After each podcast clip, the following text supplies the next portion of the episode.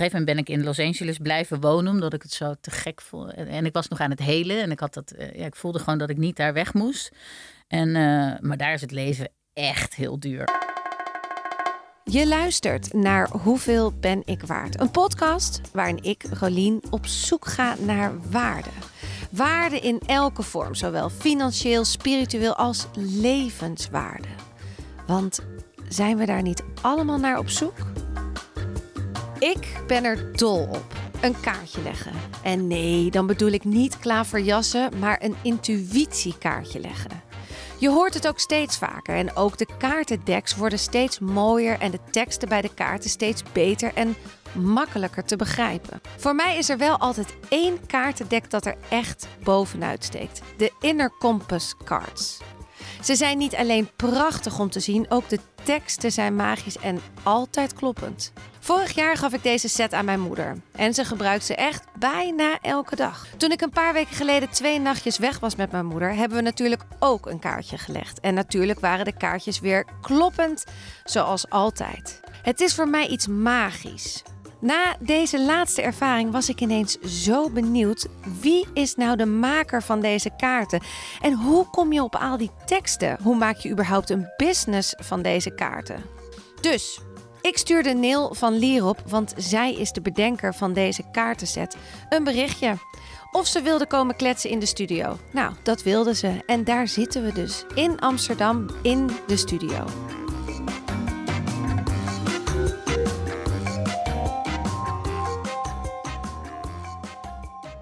Stel altijd één vraag. Daar begin ik mee.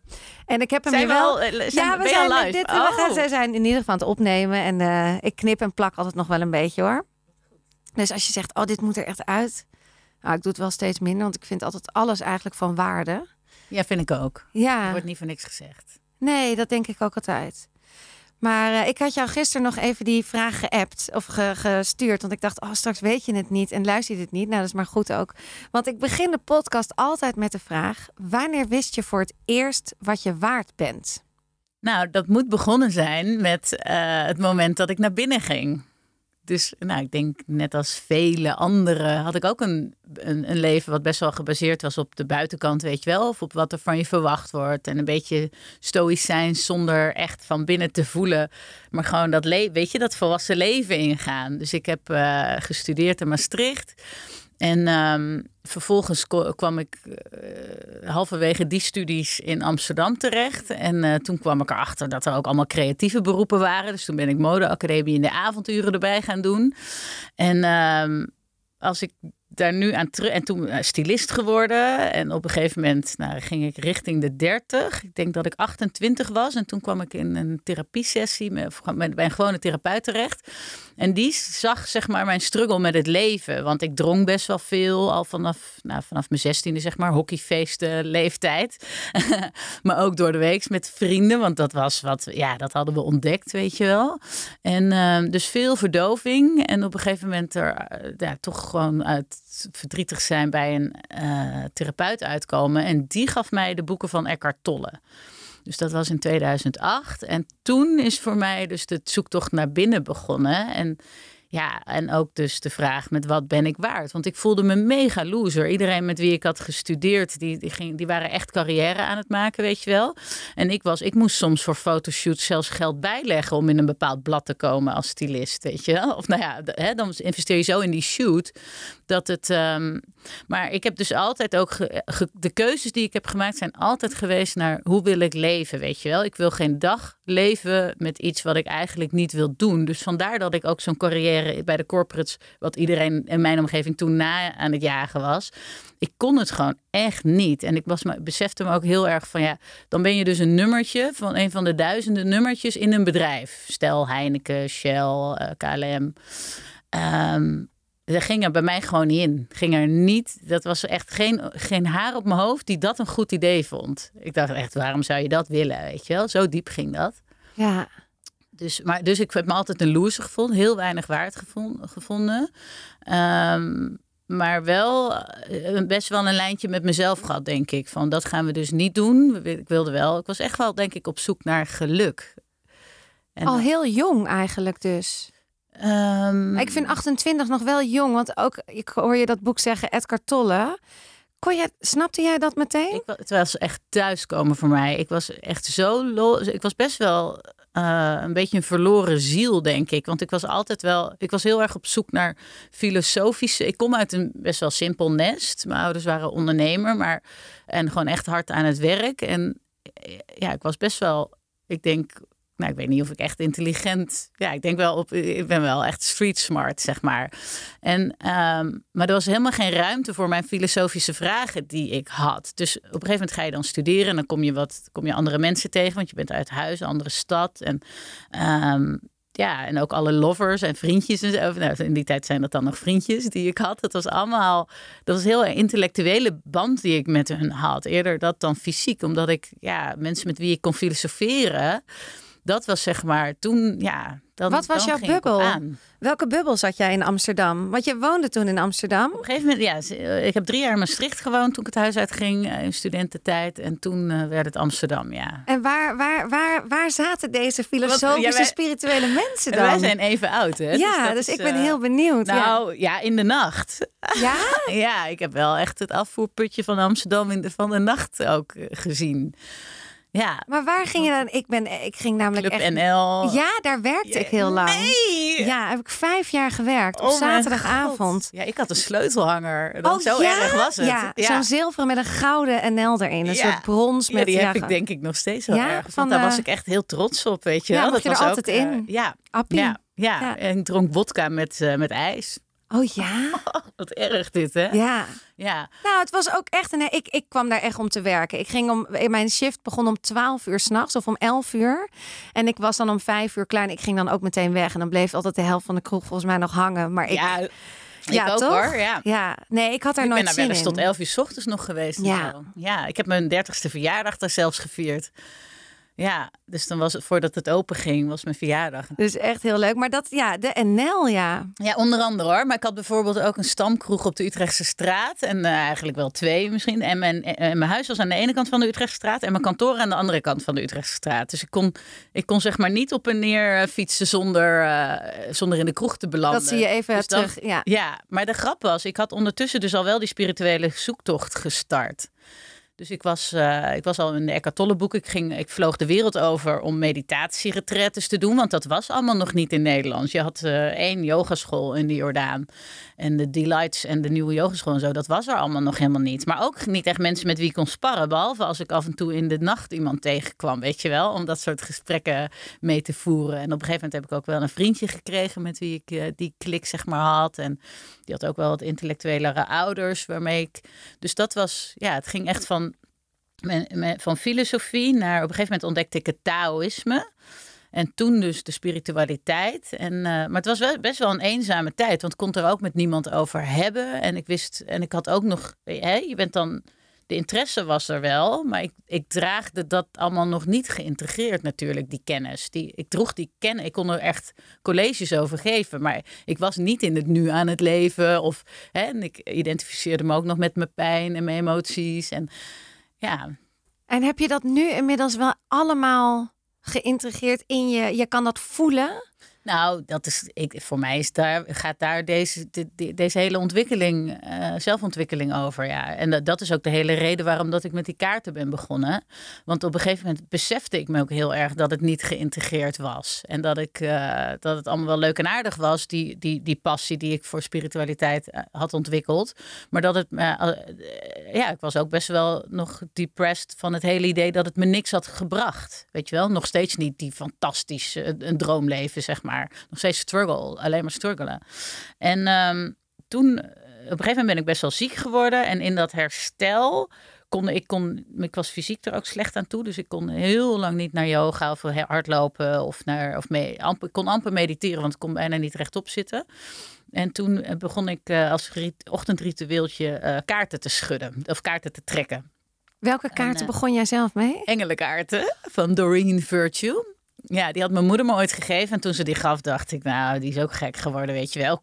Op de, op de, kaft stond al communiceren met de engelen en met God. En ik dacht, loco. Maar op een gegeven moment had ik het nodig, omdat ik geen andere dingetje. Ik had geen, ik kon niks meer. En uh, dus het was mijn enige ritueeltje nog. En op een dag zat ik kaarten te schudden.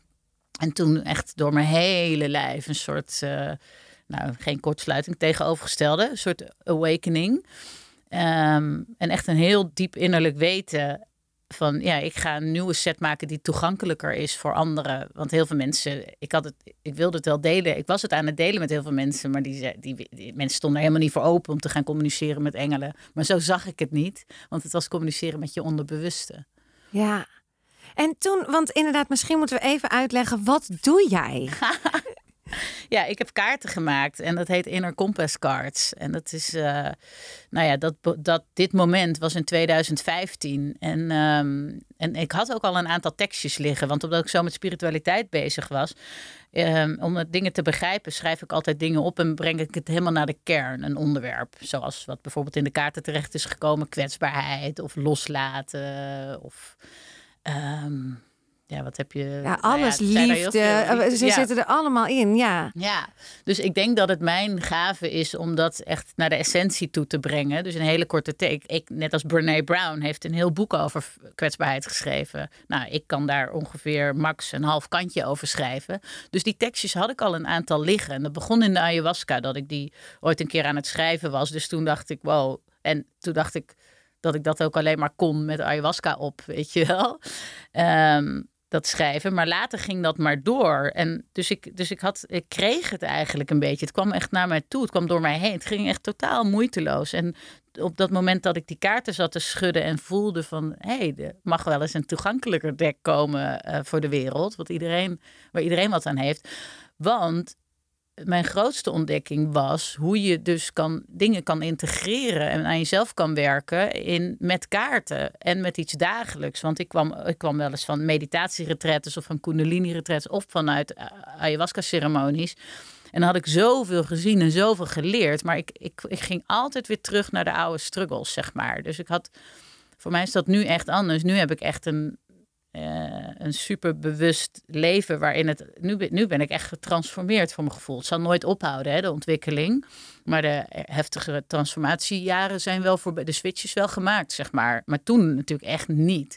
Ik had gewoon controlfreakerige neiging, mega controlfreakerige neiging. Ik had altijd het idee dat ik iets moest. Ik had altijd het idee dat ik niet goed genoeg was. Ik, had, ik leefde helemaal niet in het nu, weet je wel. Altijd maar in het, of in het verleden of in de toekomst. Um, dat is allemaal echt wel uh, volledig veranderd. En daar hebben die kaarten toch ook mee geholpen dat je, dat je, want wat ik een beetje begrijp is dat stel dat je zo'n ayahuasca doet of je zit in het, whatever, hoeft niet eens ayahuasca te zijn, een meditatie. Soms kun je, dan kan je in die meditatie even communiceren met je onderbewustzijn, maar dan word je weer wakker en dan ben je dat kwijt. En die kaarten, die kunnen dus eigenlijk, als je weer even contact maakt, komen ze, kun je ze echt zien dat vind ik er zo magisch van. Is dat je ze dus. Want als ik het soms in mijn hoofd heb in een meditatie, dan is het daarna als een wolk, is het weer weg. En ben ik het kwijt. Maar als ik een kaart pak, dan denk ik, dan kan ik een foto maken. Ik kan er zelf wat bij schrijven. Ik kan er een gevoel bij hebben. Dan kan ik het veel meer integreren in ja, dan mijn. Dan gaat het echt over jou. Precies. Dus dat, is ook, dat was ook uiteindelijk je doel, dus met die kaarten. Ja, ik heb ze echt op een heel bewust op een dusdanige manier ontwikkeld dat het. Ehm, dat jij jezelf er gaat door ontdekken. Dus hoe je je voelt op, in, een, in, een bepaald moment, maar ook waar je naartoe wil. En, uh, en ook hoe je, ja, eigenlijk wat je, wat je daadwerkelijk nodig hebt in dat moment dat je die kaart trekt. Dus um, en dat, want, dat, want wij denken dat namelijk met die mind beter te weten. Maar doordat je je overgeeft aan een soort van andere intelligentie, want je pakt een kaart altijd blind. En heel veel mensen vinden dit allemaal heel zweverig. Weet je wel, tarotkaarten of I Ching, dat is een ander orakelsysteem uit, uh, uit het oude Azië. En de tarotkaarten komen uit het oude Egypte. Dus het bestaat allemaal al heel lang. En het is eigenlijk een mooie, het zijn allemaal mooie manieren om je intuïtie te raadplegen. Want, en het menselijke mind heeft natuurlijk steeds gewoon aan kracht gewonnen, zeg maar. We zijn helemaal daarop gaan vertrouwen, terwijl dat maar 2 tot 5 procent is van je hele bewustzijn. Dus je hebt onderbewustzijn, meer dan 95 procent, en je bewustzijn veel minder. Dus om daaruit, ik vind dat dat is mijn grote passie. Om daaruit, uh, om, om, nou ja, we moeten dat nu nog een beetje met tools doen, maar op een gegeven moment word je daar steeds beter in zonder tools. Uh, en mijn kaarten zijn dus een van die tools die mij het meeste hebben geholpen.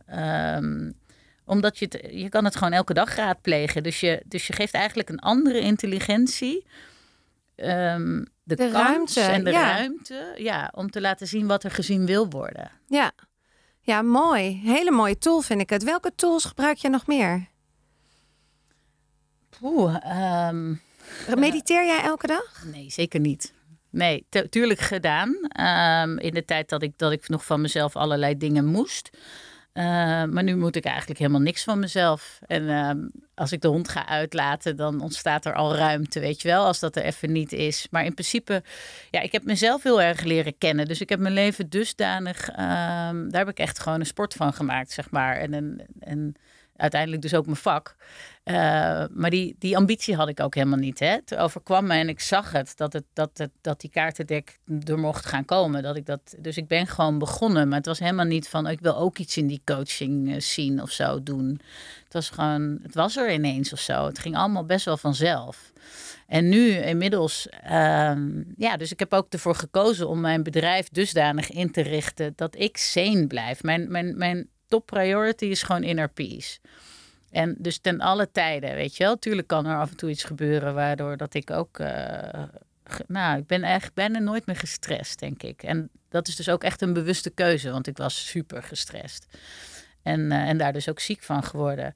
Uh, maar echt gekozen dat nooit meer. Dus dan, dan moet je het anders gaan doen. Ik werk maar een paar uur per week. Als het echt even moet. En of als ik aan het creëren ben, misschien veel meer. Maar dat voelt echt totaal niet als werk. Maar dingen als mails bijhouden of beantwoorden. Ja, dat is, ik vind dat echt tijdverspilling van dit leven. Weet je, ik doe het gewoon niet. dus dan, dan moet je de keuze maken dat anderen dat voor je doen. Die dat wel graag doen. Dus dat heb je inmiddels ook wel kunnen creëren voor jezelf. Want inderdaad, jij, jij, dat kaartendek dat kwam tot jou. Dat moest gewoon, dat, dat ging je maken. Ik vind het ook mooi hoe je het zegt. Ik mocht dat gaan maken. Dus jij bent dat gaan creëren. Maar hoe gaat zo'n proces dan in werking? Ga je dan uh, op de computer schetsen of ging je met eh, verf schetsen? Of wat, wat, hoe ging dat?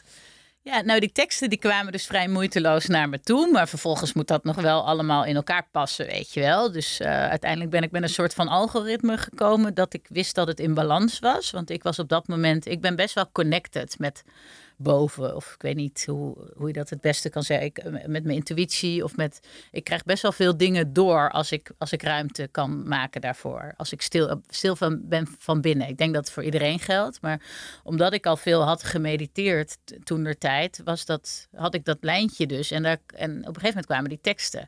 Nou, dus dat ging vrij moeiteloos. Maar ik was niet geaard op dat moment in het leven. Ik zat heel slecht in mijn lichaam. Ik was heel. Ik was, nou ja, ik zat heel hoog, zeg maar heel veel in dat hoofd, maar ook heel veel zweverig, echt uit het lichaam. Een beetje spirituele ervaringen wel, maar heel aanrelaxed. Want totaal best wel fucked up eigenlijk, omdat het heel onrustig was. Heel, een beetje alsof je de hele tijd high bent en dus niet meer op aarde. Dus nou ja, ook best wel gestrest en slecht voor je, voor je lijf.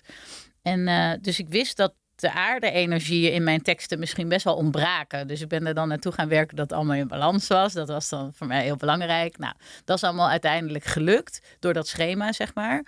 Door dat, dat algoritme. En vervolgens waren die teksten af. En toen, uh, ja, dan komen we dus een beetje in het hoek van wat mensen nu dan manifesteren noemen. ik denk, ja, ik vind creëren een mooie woord. Uh, maar dan begrijpen mensen even waar we uitkomen. ja, heb je er iets tegen manifesteren? Vind je het een nee, lastig nee, nee, woord? maar ik heb, ik heb een beetje tegen iets wat alles wat een trend wordt of zo, weet je wel. Ja, ik, ja, ik heb daar wel, net als dat, een beetje, dat is een beetje vergelijkbaar met die haat- en liefdeverhouding met socials, weet Ja. je wel met de social media en de Instagrams. En... Ik heb het ook heel erg met spiritualiteit gehad. Toen er Oh, tien ja. jaar geleden ineens iedereen ging mediteren en eh Edgar Tolle nummer één stond, dacht ik echt mensen doen normaal. Ja, en Nu begrijp kwam- ik het. Jij bent En ik daarmee kom- opgegroeid. Dus ik snap dat, ja. en dat ik, je denkt, oh, zo'n weerstand. het kan helemaal geen trend nee. zijn eigenlijk. Nee, dit zit er al in. het. Ja. Of het is er niet, whatever. Maar doe niet dat we het allemaal ineens moeten doen of zo. Dat Ja. vond ik heel vervelend. Ja. Maar nu begrijp ik het wel steeds meer. En kan ik het ook veel meer bij mensen laten. Dat ik denk, heel goed, doe het op jouw manier, doe het op jouw manier, doe het. Maar ik vind, ik snap het manifesteren. Ja, en dan dat er zo over uitweiden, weet je wel. Ja, ik doe er ook aan mee. En, eh, maar ja, dat kijkt mij nou in Ja. dit vak, weet je wel. Ja, Ja. Ik, eh, En het is dubbel, want ik vind het heerlijk om over spiritualiteit te praten en om verhalen te horen hoe jij, dit, hoe jij je hele pad nu bewandelt en hebt bewandeld vooral. Dat vind ik echt fantastisch. Ik kan ook Giel Belen, ik ben dol op zijn koekeroe. Ik kan daar echt, eh, niet, niet alle, niet iedereen trekt mij zoveel aan, maar ik, vind, ik kan dat wel opzuigen als een spons. ja, en wat daar Maar ook heel mooi aan is, is natuurlijk zijn zoektocht daarin. Ja. Dat is heel eerlijk en puur. Ja. ja. Ja, en ik, en ik vind het leuk dat het dus veel meer mainstream wordt. Dat het dus niet meer die, dat de hype er nu afgaat, maar dat bijna iedereen dat ook de secretaresse en ook de postbode, die doen er allemaal iets mee. Die hebben allemaal wel iets in huis of een ritueeltje, iets wat ze hoop geeft of niet. Weet je wel, of dat ze bij zichzelf brengt of rust. Dat vind ik wel heel tof. Ja, dat is super tof. En zelfs van de meest nuchtere persoon, die er, hè, die, de oordelen moeten er bijna wel af. Want iedereen kent inmiddels wel mensen die, eh, Ja, die flink met dit soort dingen bezig zijn. ja. ja, vind Ja, dat tof. vind ik echt Ja. heel leuk. Leuke ontwikkeling. Maar inderdaad, het manifesteren. Hopelijk is het, want vroeger Osho manifesteerde ook al, weet je wel. Dus het is ook Ja, niet eigenlijk Rolex van en Bentleys. Ja, inderdaad, nee, Rolls Royces waren het toch? Oh ja, Rolls Royce. ja. Nee, klopt. Rolls Ja, Royce, ja. ja, die niet manifesteerde. Maar dit kwam ook allemaal op zijn pad. Het lukte hem wel. Ja. En, eh, dus het is ook al eeuwen oud. Alleen het is nu wel sinds vorig jaar echt op een toppunt. Dat, dat in elke, je hoeft Instagram maar te openen of iemand heeft een manifestatiecursus. En dat is natuurlijk soms wel heel rauw. Van ja, Ja. wat zit daar nou? Wat, wat is ja, dit nou allemaal? En hoe puur zijn ze, weet je wel. Maar Ja. je, het is ook maar net waar, in je, waar, op je waar dat jij met je bewustzijn zeg maar bent wat voor jou werkt. Want uiteindelijk gaat het er denk ik om dat we dat lijntje met onze innerlijke waarheid kunnen maken. Of dat we, dat we connected zijn met die innerlijke Ja. waarheid. Ehm, ja, en dat is een proces. Ja, ja. Dus je kan niet, dus daar zijn dan onderweg eh, om daar te komen, heb je gewoon tools nodig Ja. die jou daar kunnen brengen. Ja. Dus, ja. En voor iedereen wat wils. Dat vind ik ook. Want de ene vindt, daar heb jij een klik mee. En de ander heeft weer een klik met iets anders. Dat, Precies. dat is ook goed. Maar ja, we hadden het over het kaartendek. Manifesteren, ja, precies. Manifesteren, ja. Dus toen kwam op een gegeven moment, ik, hè, dat was natuurlijk ook mijn. eh, ja, ik was daar ook mee aan het experimenteren met hoe je, hoe je geld en, eh, en wilde kan. Ik had helemaal niks op dat moment. Op het moment dat ik begon met kaartendek te maken, zat ik echt aan de grond. Want ik was net een, aan, echt een aantal jaren ziek geweest en hersteld. En daar zat ik eigenlijk nog middenin. Vandaar ook dat ik wel tijd had voor die kaarten om het te maken. Ehm, maar ik wist niet meer hoe ik de huur moest betalen en alles. Maar ik wist wel, ik had echt een innerlijk weten. Dus ik had dat lijntje met die innerlijke waarheid. Dat het er moest komen. En dat het leven. Dus, oh, dus als, je dat, als je dat echt voelt, dan voel je ook daarbij: het leven zorgt wel voor me. Dus, dus dan kan je, heb je eigenlijk een keuze. Ga ik me toch zorgen maken? Met mijn mind over komt het wel goed, komt het wel goed. Ga ik dus op die flow zitten? Of ga ik, ga ik echt proberen om op dat vertrouwen te gaan zitten? En daar heb ik toen voor gekozen. En toen eh, sowieso is het geld gemanifesteerd toen der tijd. Eh, echt met mantra's. Ik, ik, wilde eigenlijk, ik was eigenlijk gewoon heel erg sceptisch over, over, over dingen als The Secret, weet je wel. Ik was, natuurlijk had ik dat allemaal al voorbij zien komen. En, eh, maar gewoon niks mee gedaan omdat ik heel sceptisch was. Totdat ik het op een gegeven moment echt, echt, echt nodig had. Omdat die huur betaald moest worden. Want ik wilde wel ja, in Amsterdam blijven wonen, zeg maar. En... ehm, eh, dus toen ben ik, had ik een mantra bedacht met een riedeltje. Ik heb 30.000 euro. Ik heb, want dat, is dat, ik, dat vond ik veel op dat moment, weet je, als je niks hebt. Nou, ik vind dat heel veel. En, eh, ja, misschien is dat nog steeds wel. Maar ehm, eh, dat was, dat was wat, ik, wat ik dacht, wat ik intuïtief had doorgekregen, dat ik nodig had om dat jaar te kunnen overleven, zeg maar. En, ehm, eh, en, en dus de. het kaartendek kon kaart- gaan maken. ja, Ja, precies. En op een dag komt dat echt gewoon heel miraculeus. Tot op echt, echt totaal miraculeus. Wat, je, wat dus echt inderdaad, dus die secret kreeg gewoon gelijk, weet je wel. Dus, en ik begon dus ook. Maar wat mooi is van dat soort ervaringen, is dat je dus zelf gaat ervaren hoe het is. Dus op een gegeven moment kan je dat in je eigen woorden. Dus dan hoef je het niet meer met die Amerikaanse woorden van de secret te, te, te uit te leggen aan anderen ook, hoe het werkt. Maar dan kan je dat op een gegeven moment in je eigen woorden gaan doen. En eh, nou ja, de, de- nu denk ik wel dat mensen willen weten hoe het dan kwam. ja, dat willen wij allemaal weten. Ja. Nou, dat was dus, daar wil ik wel eerlijk over zijn. Op een gegeven moment was, was mijn moeder jarig. En ehm, eh, toen zei ze, kunnen jullie eh, morgen, to- tot en met morgenochtend blijven? Want dan heb ik een verrassing voor jullie.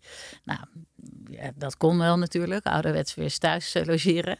En ehm, en toen kwam er de volgende ochtend bij, zaten we aan het ontbijt, ging de deurbel. En toen kwam een financieel adviseur van mijn moeder kwam binnen. Mijn ouders waren gescheiden, een hele grove vechtscheiding. En dus de ene financieel naar de andere financieel adviseur, advocaten, alles hadden we al voorbij zien komen. Dus we dachten al, wat nu weer? En, ehm, en die man die kwam met twee enveloppen met onze namen erop, van mij en mijn zusje. En die gooide die op tafel en hij zei, dit heb ik gevonden in alle administratie. Uh, en, en nou ja, er was blijkbaar een kast in, in mijn moeders huis, um, mijn ouderlijk huis, uh, waar nog twee levensverzekeringen zaten. Waar dus opa had ooit geld weggezet, weet je wel. Mijn vader had dat ooit goed weggezet. En, um, of nou, ik weet niet of dat goed was. Maar in elk geval was dat exact 29.631, ik noem maar wat. Ja. Um, maar 29 nog wat. En dus toen dacht ik echt, nou, dit is echt bizar. Ik had drie weken lang met dat mantra op de fiets gezeten, zo, een beetje voor de gein. Maar ik voelde me er, ik had wel echt, dus zaten wel, ik voelde wel echt high vibes, zeg maar. Weet ja. je wel? Ik voelde, ik had echt dat vertrouwen dat dat, dat, dat ging lukken. Ja, ja je moet dat. Ja. ja, en nu is het echt niet zo dat ik nu zo leef hoor. Wel een beetje. Ik heb best wel veel voorbeelden van de af, echt wel heel veel praktische voorbeelden van de afgelopen jaren. Maar het is niet dat het altijd, weet je, het werkt. Ik geloof heel erg dat, je, dat het belangrijk is dat je connected bent met je. Ja, echt. Eh, tegenwoordig, ik zit op dit moment in het woord. Vroeger noemde ik het volgens mij ziel, een paar jaar geleden. Nu zit ik echt wel op dat woordje innerlijke waarheid. Um, ik denk dat manifesteren dan alleen maar lukt. Ja, als ik, uh, ja, dus als je, hè, je kan wel uh, een dikke vette Porsche willen, maar misschien past een andere auto veel beter bij jouw levensstijl of bij jou. Of, en dan ja. gaat het nu, nu over een auto, maar of, of partners of, ja, of, of whatever. Dus eigenlijk ja. is de eerste zoektocht begint bij dat je gaat naar binnen gaat om te ontdekken wat past het beste, wat past er bij mij, wat is kloppend voor mij. Ja. Denk je ook dat als je eigenlijk niet weet wat kloppend is van binnen, dat het universum er helemaal niks van begrijpt. Dat is de, ja, dat bedoel ik uit te leggen. Ja, dus dan komt het ook niet. Nee. Maar als je dus kan achterhalen van binnen wat kloppend is, wat, wat, het, wat past voor jou, voor dat moment, voor wie je dan bent, wat je dan ja. bent. Ja, dan is het dus heel makkelijk om het te manifesteren. Maar die, het klinkt zo makkelijk. Hè? Het klinkt zo, oh, nou, je moet gewoon even naar sommige. Ik heb het ook al gehoord dat het joy heet. Weet je wel, dat joy-gevoel, die kriebel in je buik. Dat je echt moet voelen, oh, dit wil ik, dit, dit wil ik zo graag. Of dit, dit lijkt me fantastisch. Dit klopt bij mij. Dit past. Het is heel flinterdun. Wat is wel ja. ego en wat is niet ego, weet je wel? En ego is voor mij, ik noem dat um, pijn en trauma eigenlijk uit het verleden, wat jou gevormd heeft. Dus, dus dat, en dat is heel moeilijk te onderscheiden, want de, de, alle mechanismes zijn zo intelligent in jou dat je dat ergens waar je angst op hebt of waar je. Um, ja, wat, gewoon, wat, dus, wat, wat intrinsiek eigenlijk niet kloppend is, lijkt wel kloppend te zijn, omdat jij, omdat jij dat wil. Ja. Dus dan verzin je van alles om. Hè, dat is hetzelfde als dat mensen die in een toxische relatie blijven zitten. Die weten duizenden redenen waarom dat, dat wel die persoon is, weet je wel. Terwijl iemand die van buitenaf het allemaal aanhoort, denkt: ach, weet je, zie het nou niet. Maar ja, ja dat, zo intelligent is het. Want maar dat is dus het ego.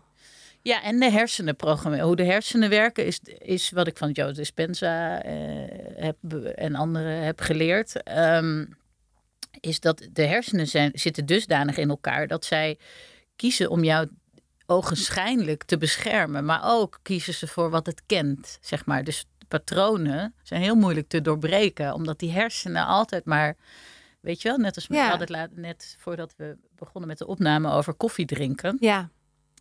Ik denk dat die dat, dat die hersenverslaving uh, veel groter nog is dan die fysieke verslaving. Ben je volgens mij binnen 48 uur vanaf. Klopt. Nou, drie dagen. Ik heb wel drie, drie dagen migraine gehad. Ja, dat is dus de, ja, dat Is de fysieke verslaving. Die hoofdpijn, die, uh, dat kennen veel mensen denk ik als ze het ooit hebben geprobeerd om te stoppen. Zeker. En het grappige is precies wat jij nu zegt. Want ik ben nu denk ik drie maanden gestopt. Ja, denk 2,5 maand, drie maanden. En ik denk nog steeds elke dag moet ik altijd het weer staan om het niet te doen. Oh, dus ja. dat patroon is zo ongelooflijk hardnekkig. Ja. En ik kies er bewust voor. Maar dat is dus inderdaad, nou, dat is wel een mooi voorbeeld, die koffie. Want dat is dus wat want er met het gaat meer om het momentje, weet je wel. Ja. En, dat je het dus is moet dat doorbreken. thee met water het niet.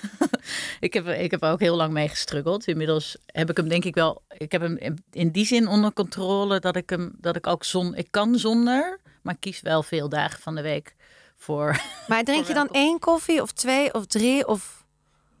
één flat white. Dat is. Nee, dus dat is relatief heel aanzet. weinig. Ja. Ja. en ook echt wel vroeg in de. Of nou, ik sta niet zo heel vroeg op, maar voor mij dan vroeg. Ja, maar ik heb eh, bijvoorbeeld, ik heb een plek op de Veluwe waar ik de helft van de week ben. En daar heb ik met mezelf, ehm, daar heb ik gewoon geen goede koffie zonder. Ja, daar staat een Nespresso-apparaat. Ja. dat drink ik gewoon niet. Dat vind ik dan al. ja, vind ik ook niet lekker. Nee, ja, en ik vind het ook niet. eh, dat, ja, ik heb niet het gevoel dat dat de beste van die beste gewoon een is. doorpress, zo'n, dat vind ik de kan- Ja, maar ik allerlekkerste. heb ervoor gekozen om het in het huisje in het bos, om het daar niet te doen. Nee. Weet je wel? Om daar zo clean mogelijk te zijn. En, eh, en, en ik drink daar wel cacao. Dus Oh ja. ceremoniële cacao, Ja. wat mensen voor ceremonies gebruiken. Dat doe ik dan. Dat is dan mijn heb ik ook net besteld weer. Oh, wat goed. Ja, één voor mijn moeder en één voor mij. Ah, wat ja, gek. ja, ook om eh, even een hartopener. eh ja. Ja, Ja, Ja. Want, precies, hartopener. Ja. Ja. ja. Nou, ik heb het gevoel dat koffie is gewoon een, voor mij een sluiter. Het is namelijk verlenging. Ik voelde heel erg in die dagen dat ik ging stoppen, dat ik dacht, wat ben ik eigenlijk moe? Wat weet je, inter, Mm, ik was ja. zo moe, alsof er echt een rugzak, alsof ik aan het rennen was met een rugzak. En dat heb je dus gesuppressed, die moeheid, met de koffie. En ik Ja. precies, en elke keer nam ik weer een koffie en dan dacht ik, kon ik weer, oh, komt die rugzak zo even over die schouders halen en dan weer recht staan. Dat gevoel. En nu dacht ik, dit, dit moet er helemaal af. Ik wil daar, ik wil niet meer. Als ik moe ben, ben ik moe. Ik wil dan niet die rugzak weer omhoog trekken. Dat is te zwaar. Klinkt heel zwaar dit, maar, Nee, en maar, dat, nee, maar dit is heel duidelijk. Want Ja. zo houden we onszelf dus voor de gek. Want, en, en sloop je jezelf gewoon. ja, Want je lijf is gewoon moe en heeft iets heel anders nodig dan doorrennen. Precies. Ja. En dat dan had ik ineens door dat ik dacht, als ik moe ben, dan moet ik gewoon even 20 minuten gaan liggen. En whatever, weet je, dan, dan en is het maar naar bed. en vroeg naar bed en niet al En eh, als minder een- op dat scherm. Ja. En, ja, allemaal van die Absoluut. dingen waar we onszelf ook mee weten te tricken. Net als met die koffie. We Ja. weten onszelf weten duizenden redenen te bedenken om nog een keer op Instagram te gaan. Weet je wel? Terwijl het zijn allemaal butredenen. Ja, Ja. absoluut. Nog even terug naar het kaartendek. Jij had die 30.000 euro van je moeder. Ja. Tenminste, het kwam op je af. Ja, ja. ja dus, die, dus dat gaf mij natuurlijk heel veel rust om heel veel dromen waar te maken. Want op dat, in dat jaar werd ik ook uitgenodigd om mee te gaan naar Burning Man. Dus dat kaartje kon ik daarvan natuurlijk ook kopen. En, ehm, en dat stond ook wel al in mijn vision boards. Dus, dus op dat moment, toen, toen zeg maar. Eh, nou, het spirituele pad begon toen niet, maar dat, dat toen die zelfwaarde leren kennen, want dat is dus dat manifesteren. Hè, dat gaat er dus, als je dus, stel dat je een vision board aan het maken bent, waar ik denk ook wel veel mensen eh, tegenwoordig mee bezig zijn. Dus, dus zeg maar je, nou ja, je visie bedenken, of je connecten met je visie en dat eh, proberen te gaan creëren. Eh, dus ik had, eh, ik had toen de tijd op dat vision board ook al Burning Man. Dat was, dat was groot voor mij, weet je wel. En, en, en reizen door Californië. Allemaal van die dingen waar ik dan vroeger als student en daarna niet echt geld voor had. Dus die wilde ik allemaal. En, en dat gebeurde allemaal in één jaar. En ik wilde nog, ik wilde nog bij een, iets inheems of zo ceremonies doen. En nou ja, ik ben en bij de Native Americans geweest in dat jaar en mocht meedoen. Eh, een heel lang weekend. En ik heb een paar weken bij een Maya-leraar gewoond in Guatemala. Dat is allemaal op mijn pad gekomen. En dat stond allemaal ook in dat vision board. Het was echt bizar. Terwijl ik echt dat... Na een half jaar daarvoor had ik dat echt... On, ik had geen rode rotcent. Dus ik had dat echt... On, ja, het was onmogelijk bijna. Ja. Maar door je daar toch voor te openen, zeg maar. En te zien. En ook echt te connecten met wat ben ik waard. Als ik als anderen. eh, wat, wat ik heel sterk voelde is als anderen dit. Als anderen dit waard zijn, dan ben ik het toch ook waard. Dus daar begon bij mij die, die, die meer materiële, materiële nou ja, een, een Maya, een Maya ervaring of een ervaring bij de Maya elders is natuurlijk niet per se materieel, maar wel. Nee, maar je moet er wel geld voor hebben. En jij bent het dus gewoon komen. waard om daar... Ja, precies. Ja, ja. Ja. En ik weet ook nog, op een gegeven moment ben ik in Los Angeles blijven wonen, omdat ik het zo te gek vond. En, en ik was nog aan het helen en ik, had dat, eh, ja, ik voelde gewoon dat ik niet daar weg moest. En, eh, maar daar is het leven echt heel duur. En toen stond ik op een gegeven moment in de rij, weet ik nog. En ik dronk in die tijd ook geen koffie, dus toen eh, echt gewoon niet. En, eh, en, maar wel matcha thee. In de ochtend. Dus ik stond in het, bij het koffietentje in eh, Venice Beach. Stond ik in, elke dag in de rij. En op een van die eerste ochtenden kwam ik erachter dat een matcha 8 dollar nog wat was. Toen dacht ik echt crazy. Maar en dus ik had door wat er met mijn systeem gebeurde. Want het meisje voor mij bestelde het. En toen ik raakte in shock. Ik dacht, godverdomme, als ik hier wil wonen, wil ik elke dag die matcha drinken. en misschien wel twee als ik, uh, als ik daar zin in heb. Of, en ik wil ook iedereen trakteren als ik daar zin in heb. Dus toen stond ik echt voor een keus van ga ik mee in oh wat duur, best wel Hollands ook hè. dat je denkt, en schaarste. Uh, en schaarste. Ja. En, uh, en toen heb ik echt in die rij besloten: nee, als ik hier wil wonen en dan wil ik ook hier leven. Dan, hè, als iemand anders zichzelf dat elke dag waard vindt, dan wil ik mezelf dat ook elke dag waard vinden. Ja. Dus toen heb ik gewoon die. Uh, ja, toen ben ik dat leven. En vanaf de grap is, vanaf die dag is mijn bedrijf, zeg maar, beginnen te lopen. Het, er was al een crowdfunding die nou ja, succesvol genoeg was om het allemaal te kunnen doen. Um, die was al een paar maanden daarvoor geweest. Maar vanaf dit moment dat ik daar, dat ik met die zelfwaarde bezig was in, voor het leven in LA.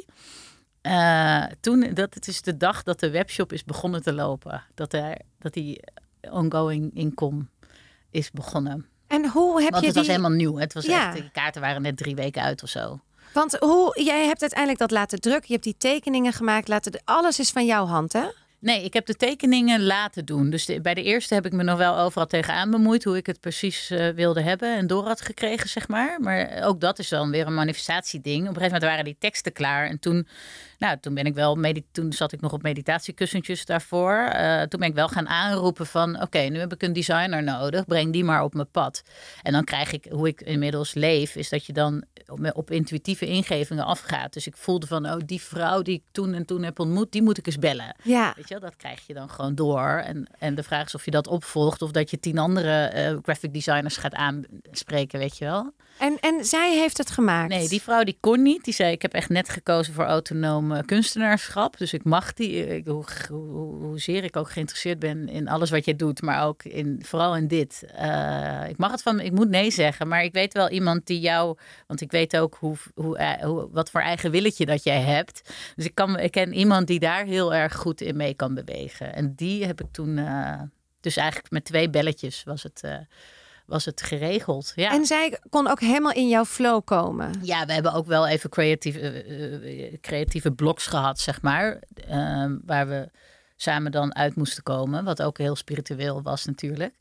Ehm, dus dat was nog wel een beetje... En ik was ook toen echt nog wel eh, een stukje control freak. Zeker weten. Want dat, dat is dus leuk dat er nu drie kaartendeks liggen. En die eerste zat ik nog full in control. Bij die tweede heb ik de afbeelding al helemaal losgelaten. Dus die meiden hebben... Er was een ander team die ik toen ook weer ook weer op dezelfde manier heb ontmoet, zeg maar. Een vriendinnetje gebeld van, ik voel dat jij iemand weet. En toen zei ze, ja, die, die moet je hebben. En toen heb ik dat meisje gebeld en zei van, ja, maar dat is zo'n grote klus. Dat zou ik wel samen met iemand willen doen. En toen dacht ik dat ik me weer overal tegenaan ging bemoeien. Maar zij konden gewoon intunen op mijn teksten en gingen met, ehm, echt met de verfkwasten aan de slag. Dus die love cards zijn zo ontstaan. Dus het werd steeds minder werk voor mij. En eh, daarna kwam ook nog de children, hè? Ja. De, de kinderkaarten. Ja, Ja, dus je hebt nu drie pakketjes. Ja, die gingen nog soepeler. Dat was zelfs voor mij om te schrijven. Heb ik, geen, ik ben daar niet eens voor gaan zitten. Voor het editen en het uiteindelijk samenkomen wel. Maar het was lockdown. En, eh, ik, dus we wandelden veel, zoals iedereen. En telkens als ik. En ik had net een, eh, een puppy. Dus telkens als ik op een bankje in het park zat of zo, dan ging ik alles wat ik tijdens de wandeling had, ge, had bedacht, dat ging woep in één keer in mijn notities in mijn telefoon. In één keer goed. Weet je wel, zonder nog gepuzzel eh, later. Ja. Ja. En hoe bedenk je dan ook bijvoorbeeld de prijs voor die kaarten? Krijg je dat ook door van dit is de waarde? Of ging je googelen van wat doen anderen? Of Ja, daar ben ik allemaal heel makkelijk in. Dat doe ik gewoon hetgeen wat echt het meest dominant is in mijn, eh, in mijn, in mijn hoofd of in mijn buik, I don't know. Maar dat kies ik gewoon. Dus ik denk daar ook verder helemaal niet meer over na. Of ik ga dat ook helemaal niet. Vroeger was ik echt was ik een onder, ik was ondernemer. Ik was bezig met start-ups opzetten voor anderen. Maar ik had zelf ook wel een eigen bedrijf gehad. Dan zat ik ja, vol- volgens al die zogenaamde start-up tools altijd alles te testen en door te rekenen. En te, pff, ja, dat doe ik allemaal echt totaal niet. Nee, Nee. Er gaat echt nul verspilde energie naar dingen bij, Ja. in mijn bedrijf. en, en ben jij zakelijk? Ik denk het wel, want ik kom uit een ondernemersfamilie. Ehm, maar ik ben niet iemand die.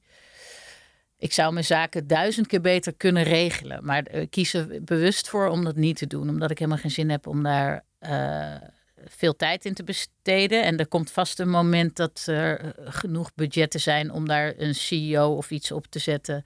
En ik heb nu wel ander soort hulp, zeg maar. Ik ben zelf nog wel. De agenda.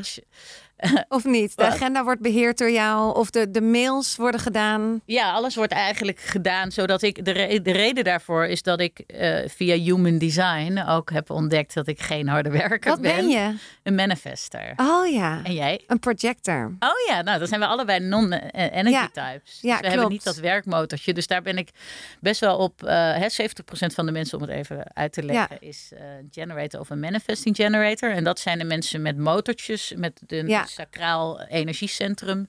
Uh, wat werkt, zeg maar. Wat ja. 24-7 gewoon aanstaat.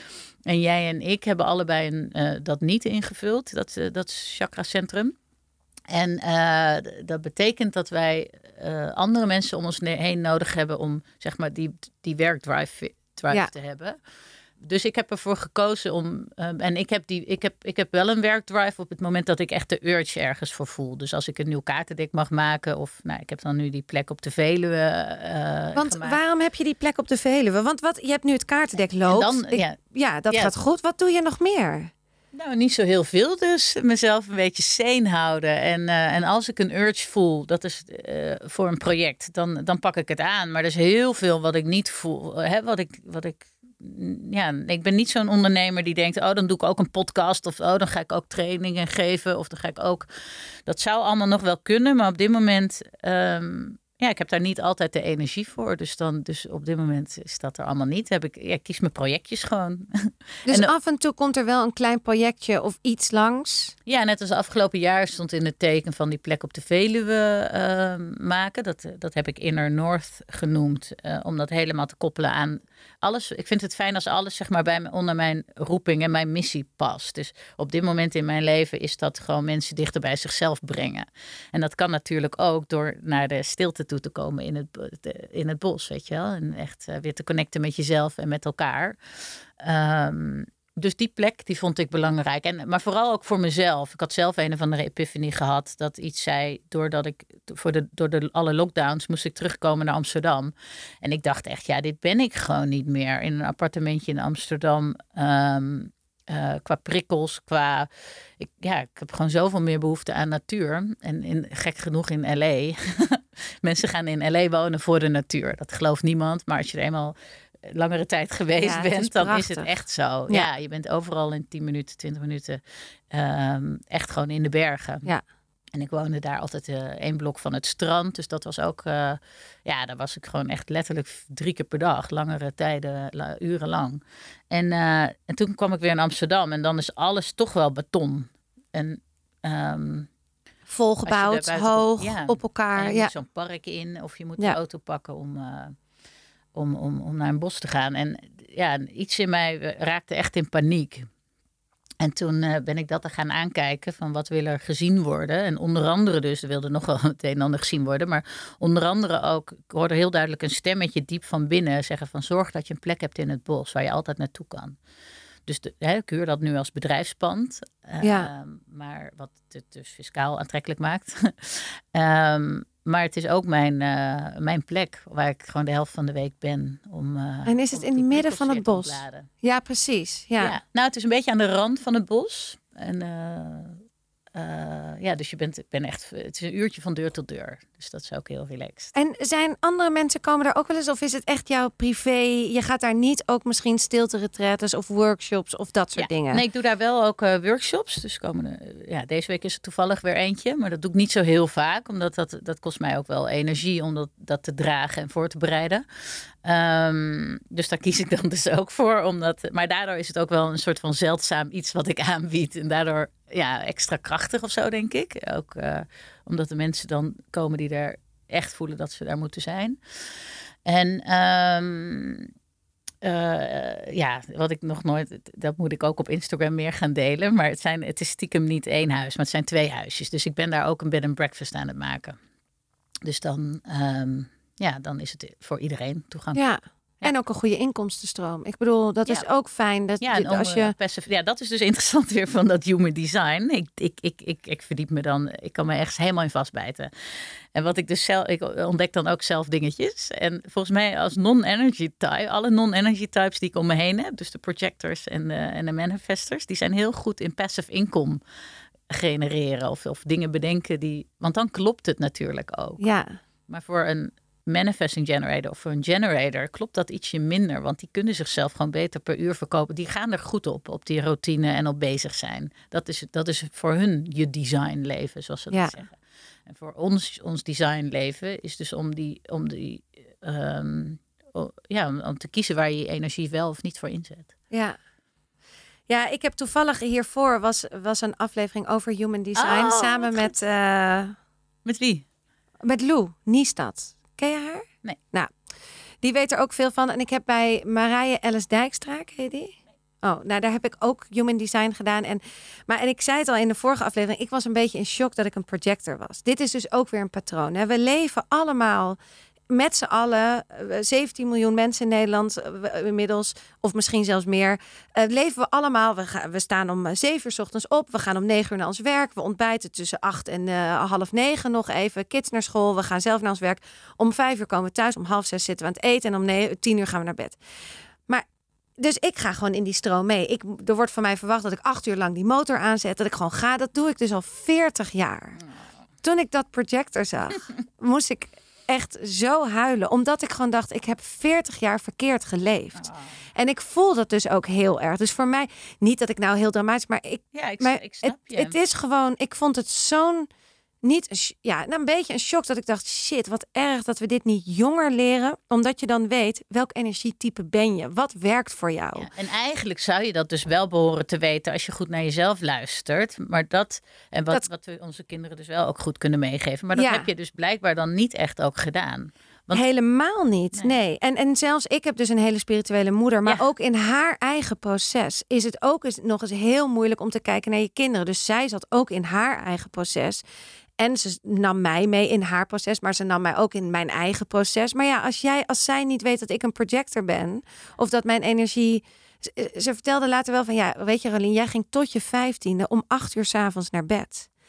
En dan was, jij ging niet uit. Ik was altijd moe. Ja, ik was Ah, echt zo'n. Oh, ja. oh, jij ging dat zelf. Ik deed dat zelf. Ik wou niet uit. eh, ik wou altijd met mijn moeder een filmpje kijken in het weekend of zo. Weet je. En dan gewoon om half tien misschien naar bed. En dan was ik vijftien al. Hè. Zie je, ja, Dus zo zie je maar dat- dat, het ja. er allemaal wel was. Het was er wel, maar Luister. de maatschappij zegt: je moet gewoon. Iedereen werkt toch vijf dagen per week. Dat, dat, Ja. dat moet je gewoon doen. Ja.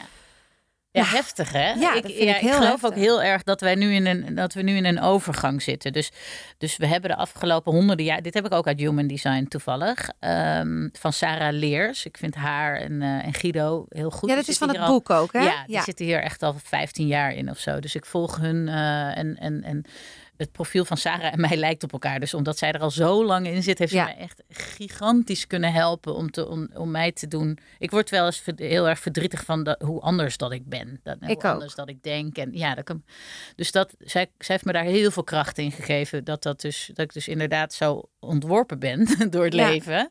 Ja. En, ehm, en dat je dus ook helemaal dat eigen leven mag gaan leven. Dus je mag je echt helemaal, nou je hoeft je niet van de kudde af te, maar je, het is erom dat je de juiste rol eh, In de kudde speelt. Ja, precies. Precies. En als die totaal afwijkt, omdat je nou eenmaal ehm, de initiator van dingen bent, in mijn geval. Of, ehm, bij jou waarschijnlijk heel veel leiderschapskwaliteit in dat projector. Ja. Ja. ja, en ik heb En bij dus mij is alles. uitzetten naar anderen. Ja, en stem. Mijn, mijn stem en mijn neus zijn ingekleurd. Verder is alles open. Oh, wauw. Ja, dus ik heb een- Dus maar twee van de zeven. Ja, Ja, en open betekent Heel dat je dus van vatbaar, anderen, ja, ja. vatbaar voor, voor de energieën van anderen. Ja. En mijn vader is dus precies hetzelfde design. Alleen is zijn neus en zijn ho- bovenste hoofd.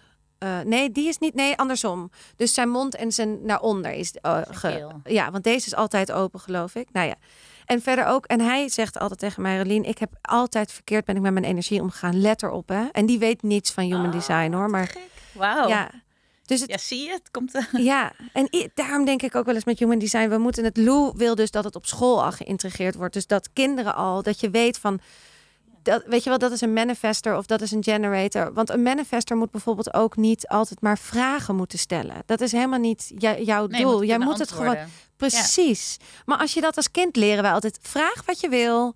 Nou, dat, dat is heel lastig als je een manifester bent. Weet je, dan leer je dus verkeerde patronen aan waar je uiteindelijk niets mee kan. Want die moet je eerst weer helemaal gaan afbouwen Ja. voordat je weer op je punt komt Ja. waar je moet zijn. Ik denk dat ik daarom ook zo los ben geweest in het leven. Ja, die eerste 28 jaar, misschien nog langer, maar Nee, veel lang. Ja. Ja, voor mijn gevoel 35. Want het Ja. duurde dus nog heel lang voordat ik eh, ook die... Ik had misschien wel veel gelezen over spiritualiteit, maar Ja. ik was echt niet aan het leven. Dat Nee. duurde echt wel, eh, echt wel langer. Ja, daar had ik nog wel een goede crash voor nodig. Zoals velen een crisissituatie nodig hebben. Want dat heb ik ook precies hetzelfde. Je, dat, ik weet nu, ik heb nu zoveel informatie, maar je moet het ook gaan doen en Ja. het voelen. Ja, Dat is nog het moeilijkste. Ja, misschien wel. Ja. ja.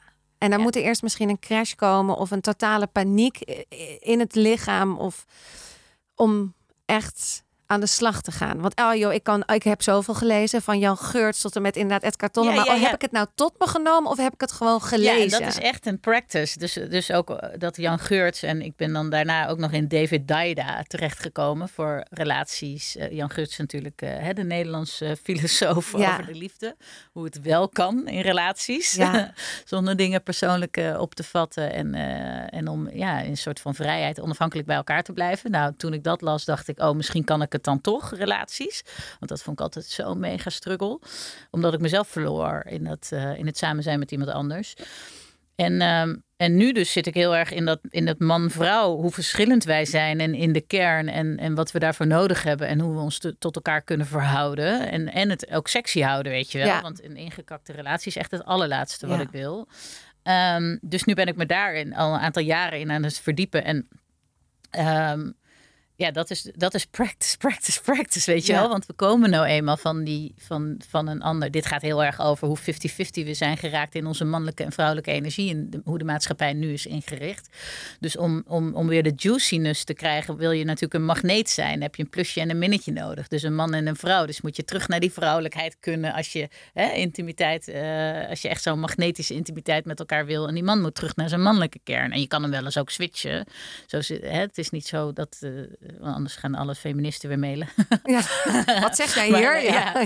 ja. maar in principe is de kern van de man om de leiding te pakken en het doelgericht te zijn. En, en, en, en de kern van de vrouw om zich daaraan over te geven en daarin veilig te voelen. Waardoor je dus kaching, onwijs aan- aantrekking gaat ervaren. Maar ik kwam ook van, ik ben een mega masculine vrouw geweest de afgelopen hè? Ook Ja. iemand die businesses neer kan zetten en, en, en de leiding kan pakken.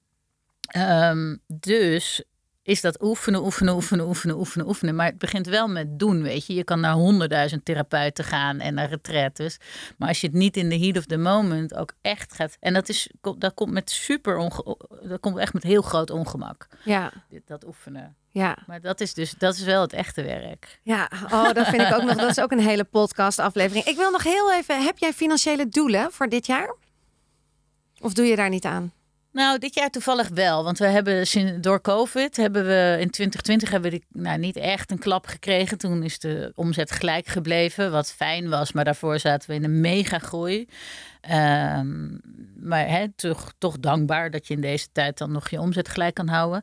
Maar afgelopen jaar is echt een heel vervelend jaar voor ons geweest. Dus ik, ja, toch voor het eerst heb ik weer doelen. Ja, ja.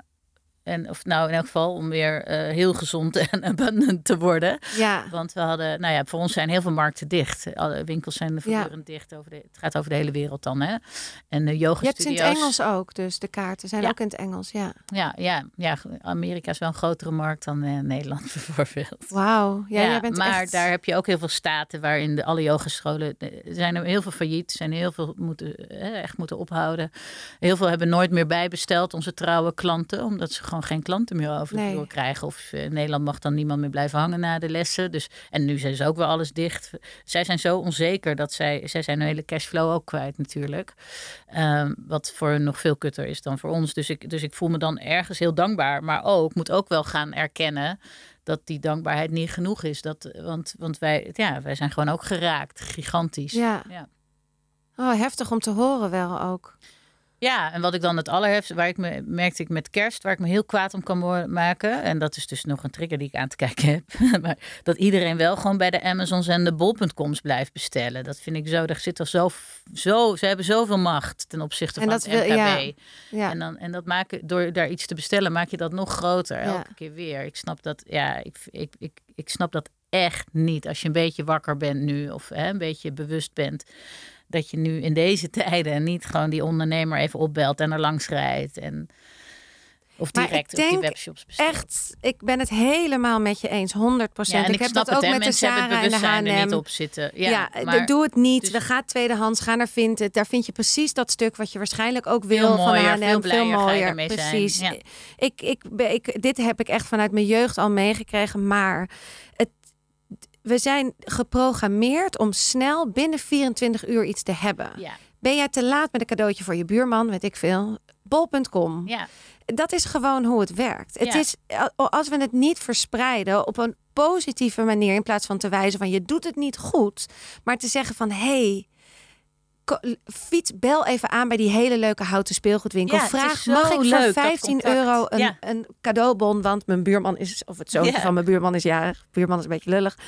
maar de, het, het is een, doordat je het nu zegt, denk ik ook weer, oh ja, dat kan ik echt vaker doen. Ja, ja, wij proberen dat bij. Wij hebben natuurlijk ook een soort van klantenservice. Mensen mailen ons als het pakketje. Maar ja, weet je, dan lees je de, overal in de krant lees je dan dus dat, het, dat de transportsector Ja. het druk heeft. En de prijzen sky high zijn en, de, en de, de levertijden lang zijn. En dan nog gaan mensen mailen, weet je wel. Ja, ik snap dat dan niet zo goed. Dus dat is mijn trigger hè, die ik Ja. aan heb te kijken. Dus dat is inderdaad waar ik weerstand voel. Maar we probe- ik, hè, uiteindelijk heb ik wel natuurlijk manieren gevonden om dat allemaal netjes te doen. En ehm, dus wij bedanken ook iedereen voor het geduld. En, en we leggen het uit inderdaad Ja. vanuit, eh, vanuit liefde. Van hoe Ja, het allemaal in elkaar steekt precies. op dit moment. En eh, ja, dat we dankbaar mogen zijn dat we het überhaupt eh, nog Ja. geleverd krijgen. Deze, ja, alles staat op zijn kop wel. Zitten hoor. jullie ook al in Zweden en zo? En in, in Nou, er zijn heel veel boutiquejes die. nee, het is alleen in het Nederlands, Engels en in het Frans uitgebracht tot nu toe. Ehm, maar er zijn wel over de hele wereld zijn er wel boutiquejes. Dus ja, het ligt wel ergens in Stockholm. En eh, dat is toch bijzonder, hè? ja, Ongelooflijk. ja, ik sluit hem af. Dit was hem weer voor deze week. En ik neem weer veel mee van deze aflevering, van dit gesprek wat ik had met Neil. Ik denk dat het voor mij tijd is om naar binnen te keren. Mijn intuïtie geeft me aan dat ik in de maand februari offline moet gaan. Iets wat ik heel moeilijk vind, want ik ben als de dood om niet zichtbaar te zijn. Maar het is tijd dat ik even lekker naar mezelf ga kijken en niet de hele tijd op andere mensen op social media. Het is ook bijna einde seizoen 5. Er komen nog twee afleveringen. En seizoen 6 wordt sowieso een keer helemaal anders. Maar daarover meer in de toekomst. Voor nu nog één ding. Tot de volgende. Oh ja, en die is wel gewoon volgende week.